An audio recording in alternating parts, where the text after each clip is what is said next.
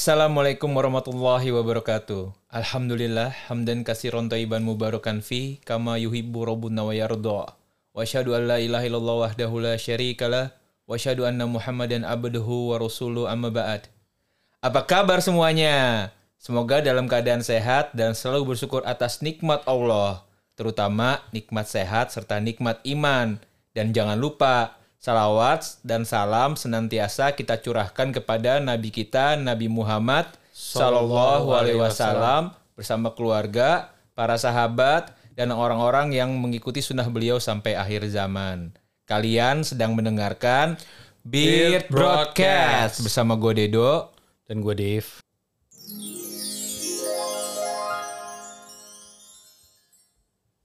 Brot, lo pernah gak sih Brot kepikiran gitu ya, lo nanya sebenarnya tuh iman tuh apa sih gitu. Terus kalau misalnya kan kita sering denger tuh kalau Allah mencintai orang-orang beriman gitu ya. Itu sebenarnya gimana sih caranya Allah mencintai orang beriman? Kan karena kita sering banget ya denger ya kata-kata iman, tapi esensi dari keimanan itu sebenarnya apa kita nggak tahu, Bro, gitu. Dan bagaimana nih kita nih menyikapi iman itu sebagai ya seorang muslim. Hmm, Allah itu udah mengabarkan, Bro, bahwa surga yang dambaan setiap manusia itu hanya diperuntukkan orang-orang yang untuk orang-orang yang beriman, Bro, gitu. dalilnya apa, bro? Kalau misalkan Allah itu udah nyiapin surga untuk orang-orang yang beriman, bro. Kan kita tahu, Bro, dalam surat Al-Hadid ayat 21, Allah Subhanahu wa taala itu berfirman, "Berlomba-lombalah kamu terhadap ampunan dari Tuhanmu dan surga yang luasnya seluas langit dan bumi, yang disediakan bagi orang-orang yang beriman kepada Allah dan Rasulnya, Bro." Masya Allah. Berarti, Udah spesifik disebut tuh, Bro. iya, Bagi ya. orang-orang yang beriman kepada Allah dan Rasulnya. Ya kalau kagak, ya boro-boro. Jadi nggak bisa tuh ya? Lah udah disebut bro Masa mau ngelobi ngelobi Emang punya orang dalam Kan gak mungkin bro Dan terus di surat Al-Baqarah Ayat 25 juga Allah berfirman bro Dan sampaikanlah berita gembira Kepada mereka yang beriman dan berbuat baik Bahwa bagi mereka telah disediakan surga-surga yang Mengalir sungai-sungai di dalamnya bro Masya Allah, bro. Eh, nikmat ya. apalagi bro gitu loh jadi ya kita nih sebagai hamba yang katanya hamba itu tuh harusnya harusnya kita tahu gitu. Pokok-pokok keislaman itu yang disebut rukun iman tuh tahu. Kan kita belajar bro dari SD bro. Tapi banyak yang udah lupa kali ya. Mungkin, bro. Ya salah satunya gue lagi ya, maksudnya agak-agak lupa gimana ya, maksudnya ngejelasin. Karena kan secara rukun imannya paham, tapi penjelasannya gitu. Nah mungkin kali ini nih di episode kali ini kita coba deh kita bareng-bareng kita berdua. Nih kan tujuan kita bikin Benar-benar. broadcast ini kan buat menasehati diri sendiri Iya. aja nih gitu dan sekali aja brother sister di luar relate gitu kan coba kali ya kita episode kali ini kita coba bedah bro bahwa kalau semakin kuat landasan keimanan itu akan berimplikasi dan berbanding lurus terhadap semakin kuatnya cabang-cabang keimanan pada seseorang.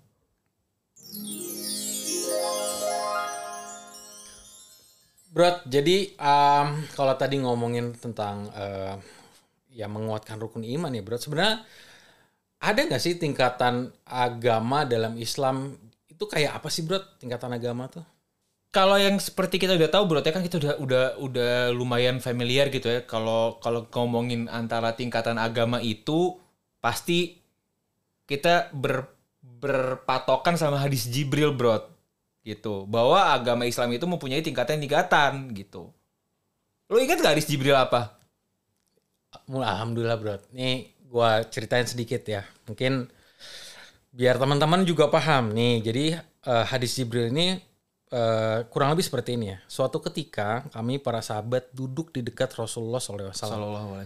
Tiba-tiba muncul kepada kami seorang lelaki yang sangat putih bajunya dan rambutnya amat hitam.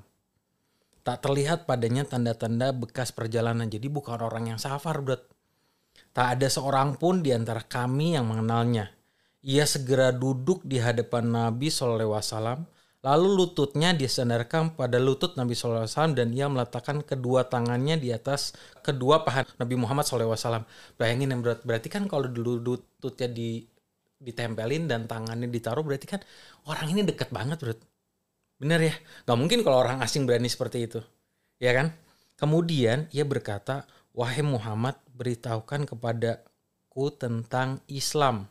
Rasulullah SAW menjawab, Islam adalah engkau bersaksi bahwa tiada yang berhak disembah kecuali Allah dan sesungguhnya Muhammad adalah Rasul Allah. Menegakkan sholat, menunaikan zakat, berpuasa di bulan Ramadan, dan engkau menunaikan haji ke Baitullah apabila engkau mampu. Lelaki itu berkata, engkau benar. Kami heran. Ia bertanya, namun ia pula yang membenarkan. Kemudian ia bertanya lagi, beritahukan kepadaku tentang iman. Nabi Muhammad SAW menjawab, iman adalah engkau beriman kepada Allah, malaikatnya, kitab-kitabnya, para rasulnya, hari akhir, dan beriman kepada takdir Allah, baik yang baik maupun yang buruk. Ia berkata, engkau benar.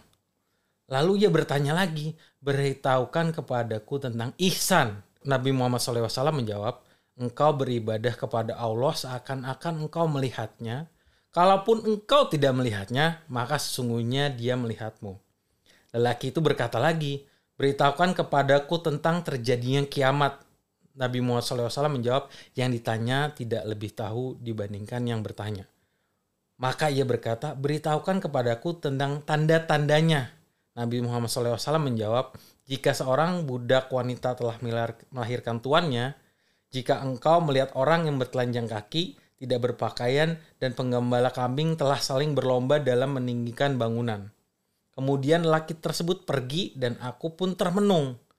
Lalu Nabi Muhammad SAW bertanya kepadaku, Wahai Umar, tahukah engkau siapa yang bertanya tadi? Aku menjawab, Allah dan Rasulnya lebih mengetahui.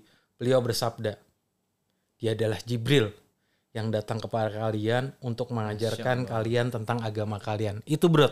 Itu hadis Jibril bro. Ya, ya, ya, ya, ya, ya, ya. Itu hadis Jibril bro. Kalau kita omongin tadi masalah pas lutut ketemu lutut, tuh gue inget banget tuh waktu lagi di kajian Riyadus Solihin juga deh. Betul, betul. Ustaz Nuzul juga nyampein bahwa itu tuh adab adabnya penuntut ilmu gitu bro. Benar, benar, gitu. benar. Itu kan tadi kan lagi diajarin kan. Iya. Nabi Muhammad Nabi Muhammad cerit bilang ke Umar radhiyallahu anhu bahwa Jibril lagi mengajarkan tentang agama kan itu. Jadi adabnya tuh lutut ketemu lutut gitu. Jadi Iya. ka- katanya kalau lagi kajian tuh sebenarnya kita harus duduk duduk istirahat segitu bro. Lo kebayang nggak lu duduk gitu selama kajian gitu kan? Tapi ternyata adabnya emang kayak gitu gitu. Benar, benar, benar, benar, benar, benar. Nah, gue juga mau nambahin nih, Bro, mengenai pengertian Islam dari Ustadz Yazid Hafizahullah ya gitu. Iya. Jadi Ustadz Yazid tuh nyampein bahwa Islam itu secara etimologi atau secara bahasa itu artinya tunduk, Bro. Gitu. Atau patuh atau berserah diri lah. Makanya waktu itu sempat gua mention di episode sebelumnya kan ya kalau Islam itu ya udah lo ya nyerah gitu, Betul. udah nggak bisa ngapa-ngapain gitu. Nah, sedangkan kalau menurut syariat kata beliau Hafizahullah adalah itu apabila dimutlakan berada dalam dua pengertian gitu. Yang pertama, kalau disebutkan sendiri tanpa diiringi dengan kata iman, maka Islam itu cukup untuk mencakup seluruh agama, bro. Gitu. Hmm. Jadi pokoknya, furunya atau akidah, ibadah dan lain-lain itu udah cukup di kalau nggak ada sandingannya gitu ya. Nah, tapi kalau misalnya disandingkan dengan iman, maka Islam itu adalah mengakui dengan lisan, yaitu meyakini dengan hati dan berserah diri kepada Allah, bro. Gitu. Iya, iya, betul, betul, berat, betul. Jadi Allah juga berfirman bro di Al-Baqarah ayat 131 dan ingatlah ketika Robnya berfirman kepada Ibrahim berserah dirilah. Dia menjawab aku berserah diri kepada Rob dan kepada Rob seluruh alam. Gitu bro. Betul, bro. Jadi nih, bro ya. em, mengenai hadis Jibril tadi, ya para ulama tuh memang udah membagi tingkatan agama menjadi tiga, bro. Yang pertama adalah Islam, yang kedua iman, dan ketiga ihsan. Islam kita sama-sama udah tahu lah, bro ya. Syahadatain, menegakkan sholat, bayar zakat, puasa Ramadan, haji bagi yang mampu, dan iman adalah iman kepada Allah, malaikat, kitab suci, para rasul, hari akhir, kepada takdir baik maupun yang buruk dan yang terakhir yang tadi tuh yang dijelaskan sama Nabi Muhammad SAW engkau ihsan. Derajat ihsan adalah engkau beribadah kepada Allah seakan-akan engkau melihatnya. Kalaupun engkau tidak melihatnya sesungguhnya dia melihatmu. Itu bro. Ya tadi sorry, tadi juga keputus bro. Dari kalau tadi disandingkan kalau yang Islam sama iman itu, Sat Yazid Hafizahullah juga menjelaskan bahwa kalau maksudnya Islam disebutkan bersama dengan iman itu adalah amalan-amalan yang lahiriah bro gitu. Betul.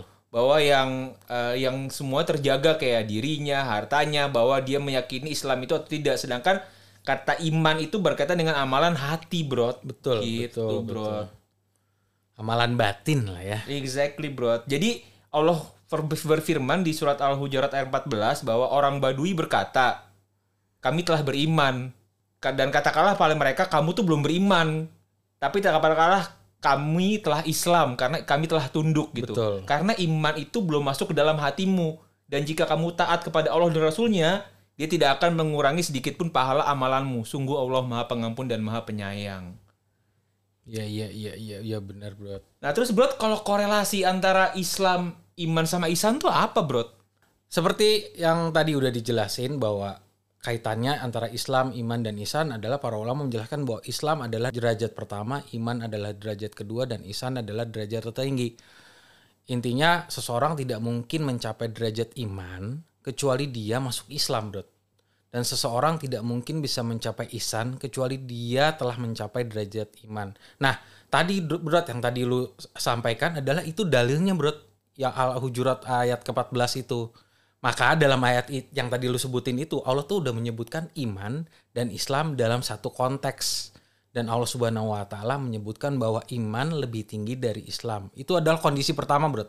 Kondisi keduanya adalah hanya disebutkan salah satunya saja, iman saja atau Islam saja. Dalilnya apa, Bro? Nah, ini dalilnya dari hadis Nabi Muhammad SAW bersabda, seorang muslim adalah muslim lainnya yang selamat dari gangguan lisan dan tangannya, Bro. Nah, Nabi SAW hanya menyebutkan muslim tanpa menyebutkan mukmin.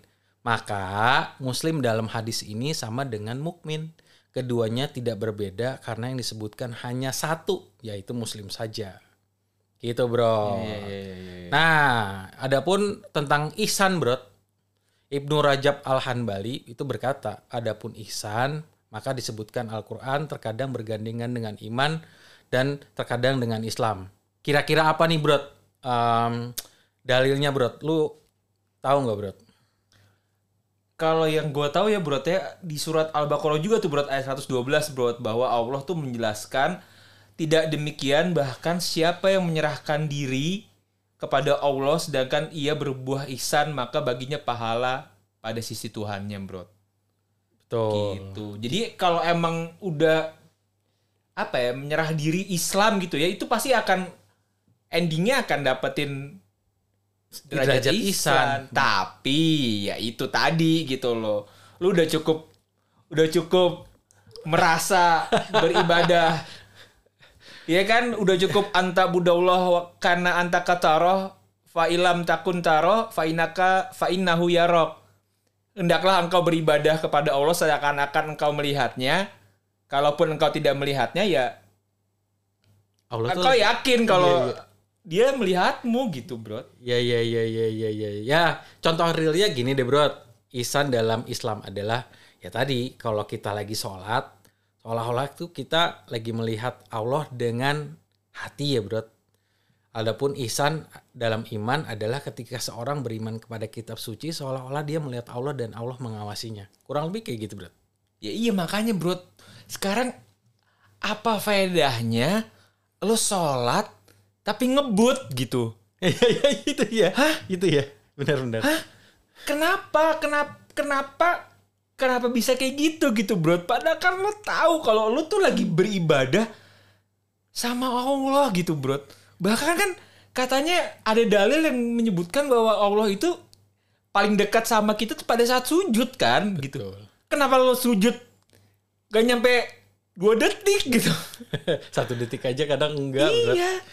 Kenapa bisa saat sholat empat rakaat cuman semenit gitu? Iya iya iya iya iya. iya. Emang mau ke mana sih? ada ada urusan yang lebih lebih penting buat mereka berat ya, tapi ini sebagian ya nah tapi ini juga lucunya berat kayak baca al-fatihah tuh kan panjang berat ya tujuh tujuh ayat ya tapi cepet banget berat padahal kan udah kasih tahu juga nih bahwa ketika kita lagi baca al-fatihah tuh Allah lagi jawab semua doa doanya kita kan Ya makanya gimana gimana caranya kita mau nyampe derajat ihsan gitu, bro? iya iya iya Kalau yang basic aja sekarang gini deh. Kebutuhan kita sholat tuh apa sih gitu kan gitu. Itu kan udah ya itu balik ke Islam tadi bro Bener, kan Allah udah bener. perintahkan gitu. benar. Masa lo jalanin perintahnya buru-buru gitu. Iya. Tapi giran lo dipanggil bos. Wah prepare-nya bro. benar benar benar Bisa sampai begadang-begadang tuh nyiapin proposal. iya iya iya Iya kan? jangan kan Kata per kata Iya diatur. benar benar. Terus nggak mungkin, bos. Nggak mungkin. mungkin. Tapi kenapa pas lagi Iya, sholat iya, iya. begitu gitu? Iya iya iya iya iya iya. Padahal ini yang menciptakan dunia ya berat ya. Nah terus indikasi apa aja bro? Kalau seseorang itu udah mencapai derajat ihsan. Atau gimana sih caranya biar bisa nyampe nih? Tapi ini kayaknya perlu episode panjang nih bro. Ini kayak mesti kita bahas lagi nanti nih. Iya. Ini agak dalam soalnya nih. Dalam banget ini. Jadi gini bro, em, isan itu adalah kondisi yang bisa digapai seseorang ketika ia telah berislam dan beriman dengan baik. Dan isan ini mempunyai tingkatan bro. Yang pertama, engkau beribadah kepada Allah seakan-akan engkau melihatnya. Maksudnya adalah melihat dengan hati bro. Sebab nggak mungkin deh makhluk makhluk atau hambanya kita ini bisa melihat Allah selama di dunia berat. Catat itu garis bawain ya bro. Nggak mungkin kita bisa melihat Allah di dunia ini berat. Gitu. Ibnu Dakik Al-Aid berkata, intinya Ihsan merujuk kepada ibadah yang mumpuni memperhatikan hak-hak Allah, merasa diawasi olehnya, serta menghadirkan keagungan dan kemuliaannya ketika beribadah. Itu bro. Gimana caranya? Gimana caranya itu? Merasa diawasi, menghadirkan keagungan dan kemuliaannya ketika beribadah. Dalilnya apa, bro? Mengenai Ihsan bahwa kita tidak bisa melihat Allah di dunia. Lu udah pasti tahu lah, bro, tentang kisah Nabi Musa ya. Iya, Bagaimana Nabi Musa tuh pengen gitu melihat Allah gitu ya. Ini Allah tuh udah dalilnya langsung Allah yang berfirman dalam surat Al-A'raf ayat 143. Tatkala Tuhannya menampakkan diri kepada gunung itu, dijadikannya gunung itu hancur luluh dan Musa pun jatuh pingsan.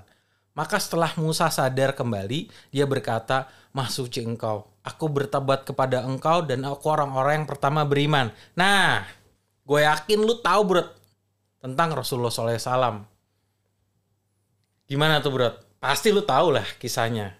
Iya iya iya iya iya sih bro. Eh, bahwa waktu itu kan ya waktu lagi proses Isra Mi'raj lah gitu ya. Betul. Waktu Rasulullah SAW dibawa ke eh, sampai Sidratul Muntaha kan terus ditanya kan apakah kau melihat Allah? Terus eh, beliau SAW menjawab ada cahaya. Bagaimana aku bisa melihatnya gitu bro? Itu hadis Muslim bro gitu. Nah, ini makanya berarti Allah itu sebenarnya ya ketika bahkan ketika Nabi Muhammad orang hambanya yang paling paling dicintai aja nggak bisa lihat, bro. Dan tertutup. Jadi dah ada hijabnya adalah cahaya tersebut gitu. Maka jika intinya adalah jika kita tidak mampu tidak mampu maka tingkatan kedua bro ini yang mungkin akhirnya bisa kita lakukan ya intinya adalah kalaupun engkau tidak bisa melihatnya maka sesungguhnya dia melihatmu maka ini murokobah berat yang seperti kita udah dibahas episode-episode sebelumnya. Dan mungkin nanti juga kita bisa detailin lagi episode murokobah ini ya berat ya. Iya iya. Sama gue ada ada satu ucapan Ustadz Nuzul yang cukup bikin gue ketawa sih gitu waktu lagi. Gue inget waktu masih kajian di eh, Blok M Square tuh kajian beliau Takiratus Sami gitu kan. Bayangin bro teh ternyata bab-bab awal adab menutup ilmu itu adalah mempunyai sifat murokobah bro benar gitu mempunyai sifat merasa diawasi karena semakin kita merasa diawasi Allah kita udah nggak berani apa-ngapain bro gitu iya iya iya balik lagi tadi kan kita kita kita tahu nih kita nggak bakal mungkin bisa ngelihat Allah gitu kan Ustaz Tuzul bilang gini sekarang gini deh Antum bisa nggak ngelihat usus 12 jari? Ada di mana tuh usus 12 jari? Gak bisa kan, bro? Iya. Tapi kan kita yakin kita punya usus 12 jari kan? Benar, Ya benar. itu juga sama, bro, gitu. Iya, iya, iya. Kalau kita yakin di firman Allah uh, alat ba- Al-Baqarah 100 eh, de- 186 bahwa Allah bilang kalau Allah itu dekat, ya harusnya kita yakin, bro, gitu loh. Bahwa Iya, Allah iya, itu iya. dekat gitu. Makanya kalau kita tahu ada yang ngeliatin kita nih, kita kan nggak bakal mungkin berani ngapa-ngapain, bro. Iya, dan yang paling bahaya adalah ketika kita sendirian nih berat biasanya. Itu, masya Allah ya. Kalau ada orang lain mungkin kita bisa Nah jaga itu dia bro. itu yang bahayanya bro gitu. Di saat oh di depan orang-orang, wah jaga semua, wah bawa alisan kita jaga apa segala macem. Giran lagi sendiri, nah Nah, lo alam gitu ya kan. itu urusan masing-masing lah ya. Urusan masing-masing kita nggak gitu. bisa ngejudge ya. Ya maksudnya ya, belum tentu yang berbicara bisa Bener, bener. bisa ngejalaninnya ya gitu. Iya. Mungkin bak- bakal mungkin bisa lebih parah. Cuman kan betul, betul. Kita tahu bro bahwa ya itu tadi lo kalau mau capai derajat ihsan ya lo tahu bahwa lo tuh lagi di- lo tuh lagi, lagi dilihat gitu loh Iya, iya, iya, iya, iya, iya, iya, iya, iya. Nah, makanya ini jadi eh, jadi itu gimana ya kita tuh senantiasa selalu diawasin gitu mau mau lagi rame-rame mau lagi sendiri gitu Iya iya iya iya iya. Nah ini juga perkataan dari Ibnu Mas'ud berkata ya Bro ya. Ini dahsyat Bro. Bagaimana Allah menjelaskan bahwa dalam setiap kondisi Allah tuh selalu mengawasi kita. Tidaklah langit yang tujuh dan bumi yang tujuh dalam genggaman Allah kecuali seperti biji yang ada di tangan salah satu dari kalian. Bayangin Bro. Ini kita pegang biji nih. Nah ini tuh diibaratkan seperti itu. Jadi intinya Allah tuh tahu semua apa yang ada kita lakuin gitu karena Allah itu di atas Allah maha besar dan Allah mengetahui seluruh yang ada yang kita kerjakan sesungguhnya iman yang paling utama adalah engkau yakin Allah bersamamu di mana pun engkau berada bro ya balik lagi kayak yang Ustadz Nuzul Hafizahullah sampaikan juga bahwa kenikmatan melihat itu sangat mahal bro ya sering ya. Ustadz Nuzul tuh sering menekankan tentang hal ini nih bahwa kenikmatan melihat itu sangat mahal harganya. Dan melihat Allah Azza wa Jalla adalah kenikmatan tertinggi yang kita dapatkan di surga. Nah, bro, apa dalilnya, bro? itu nanti bro lo kok bayang gak sih kita aduh bisa ketemu Allah gitu di surga gitu bro Iya. kayak Allah udah berfirman di surat Yunus ayat 26 gitu ya bagi orang-orang yang berbuat ihsan adalah pahala terbaik di surga dan tambahannya. Nah Ibnu Rajab rahimahullah menjelaskan mengenai ayat tersebut bahwa Nabi SAW tuh menafsirkan bahwa tambahan itu adalah kita memandang wajah Allah bro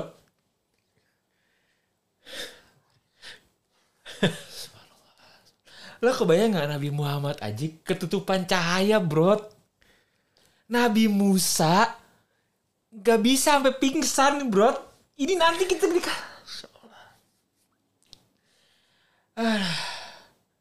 Terus lo masih mau nipis-nipisin gitu bro Bisa nggak ya, bro ya kita? Eh, gue jadi jadi sangat emosional, bro. Ini bayangin mem- bisa memandang wajah Allah itu, bro. Masya Allah. Semoga kita bisa disampaikan. Amin, Ya, amin ya rabbal alamin. Cuman gimana ya, bro? Gini, balik lagi, gue juga sempat ngedengar waktu lagi kajian sama Ustaz Nuzul mengenai uh, murokobah ya, bro ya gitu. Bahwa murokobah itu kan kita harus menghadirkan dan kita tahu tentang ilmu-ilmu Allah gitu bahwa Allah itu ada dan Allah itu dekat gitu, bro. Coba nih, Ustaz Nuzul kasih contoh gini, bro ya. Kalau orang-orang yang nggak punya murokobah itu ilmunya tuh nggak nyampe ke hati bro contohnya gini deh. Ini orang tahu nih sholat jumat tuh sholat wajib gitu. Tapi malah ditipisin. Iya, bro. berarti apa? Berarti kan ilmunya nggak nyampe bro gitu loh ilmunya dia tuh kalau Allah tuh selalu mengawasi kita tuh nggak nyampe gitu. Malah tidur, lalu jangankan sholat jumat bro sholat lima waktu aja ditipisin gitu. Iya, iya, iya, iya. Ya kalaupun datang ke Jumatan ya tidur, bro. Ya intinya em, Ihsan adalah seorang mukmin yang beribadah kepada Robnya dalam kondisi menghadirkan keagungan Allah dan murokobah tadi yang kita udah bahas. Seolah-olah dia melihat dengan hatinya ia melihat Allah ketika beribadah karena itu ganjarannya yang memenang Allah di akhirat bro ya, ya ini bro yang yang pastinya semua dari kita ini mendambakan tentang ini ya bro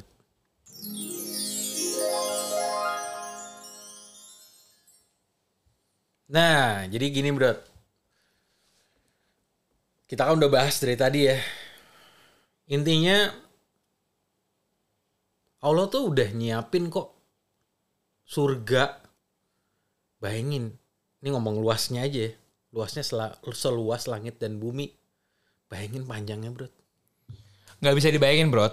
Udah surga tuh gak bisa dibayangin gitu. Iya iya iya. Surga tuh gak bisa dibayangin gitu. Aduh, bro aduh udah nggak bisa dibayangin deh yeah, gitu yeah, yeah, lo yeah. dan yang lebih dahsyatnya lagi nanti kita bisa melihat Allah ya. melihat wajah Allah bro gitu benar, benar, benar.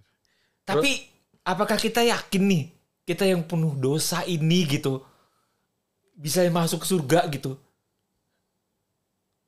dengan dengan semua aduh aduh aduh kalau ngomongin dosa gue udah Ya, um, kemudian juga ya tingkatan agama itu tadi juga udah dibagi, udah dijelasin ya. Ada Islam, ada iman, dan ada ihsan. Dan jika seseorang udah mencapai derajat ihsan, maka dia akan mudah untuk khusyuk dan ikhlas, bro. Nah, khusyuk ini tuh yang kita cari supaya kita bisa uh, mencapai derajat ihsan tadi ketika dalam beribadah. Sebab dia yakin Allah sedang melihatnya dia pun ikhlas tidak peduli dengan komentar dan penilaian orang lain, bro. Nah itu tadi, bro. Anta budallah ka anaka taroh, fa ilam takun taroh, fa innahu yarok. Hendaklah engkau beribadah kepada Allah seakan-akan engkau melihatnya. Kalaupun engkau nggak bisa melihat, ya yakin deh Allah tuh melihat kita gitu, bener, bro. Benar, benar, benar, benar. Jadi emang harus ada episode khusus bro tentang untuk kita bahas masalah ihsan dan murokobah itu karena itu kan awam banget kan. Benar, benar. Padahal kan itu yang paling penting bro. Iya. Lo bayangin di buku adab itu nomor satu bro. Iya, iya, iya. Di bab awal lo harus merasa diawasi sama Allah karena itu tadi kalau kita udah ngerasa diawasin ya boro-boro mau buat maksiat bro. Iya. Orang kita tahu kita diawasin. Iya. Ya selalu ada CCTV 24 jam bro. Buset bro. per detik gitu bro. Iya iya iya iya iya. Oke, mungkin teman-teman yang udah ngedengerin tentang episode ini, terima kasih. Mungkin teman-teman juga bisa share ya. Terutama nih awalnya balikin lagi nih mindsetnya bahwa uh, mudah-mudahan dengan podcast ini kita bisa yakinin bahwa Allah tuh betul-betul lagi lagi ngawasin kita, bro. Gitu. Nah, mindset ini nih yang harus kita pegang dari sekarang dan uh, jangan lupa untuk share ke sahabat, ke orang tua, ke keluarga ya tentang episode kali ini supaya kita lebih belajar lagi tadi tuh tentang Islam, iman dan ihsan. Seperti yang selalu kita sampaikan setiap akhir podcast bro bahwa ini tuh ah, emang nasihat buat kita berdua benar, gitu. Benar, benar. Jadi sama sekali kita tidak bermaksud untuk saling menggurui dari ilmu-ilmu yang kita dapat dari kajian-kajian yang kita ikutin, dari buku-buku yang kita baca. Iya benar benar benar. Oke, terima kasih semuanya udah dengerin episode kali ini. Jangan lupa untuk selalu bersyukur kepada Allah dan yuk tingkatin syahadatin kita selalu serta dan serta serta bersolawat kepada Nabi Muhammad Sallallahu Alaihi Wasallam dan berdoa agar selalu diberikan ilmu yang bermanfaat dan dijauhkan dari ilmu yang tidak bermanfaat. Kita tutup dengan doa kafaratul majelis. Subhanaka Allahumma wa bihamdika asyhadu an la ilaha illa anta astaghfiruka wa atubu ilaik. Assalamualaikum warahmatullahi wabarakatuh.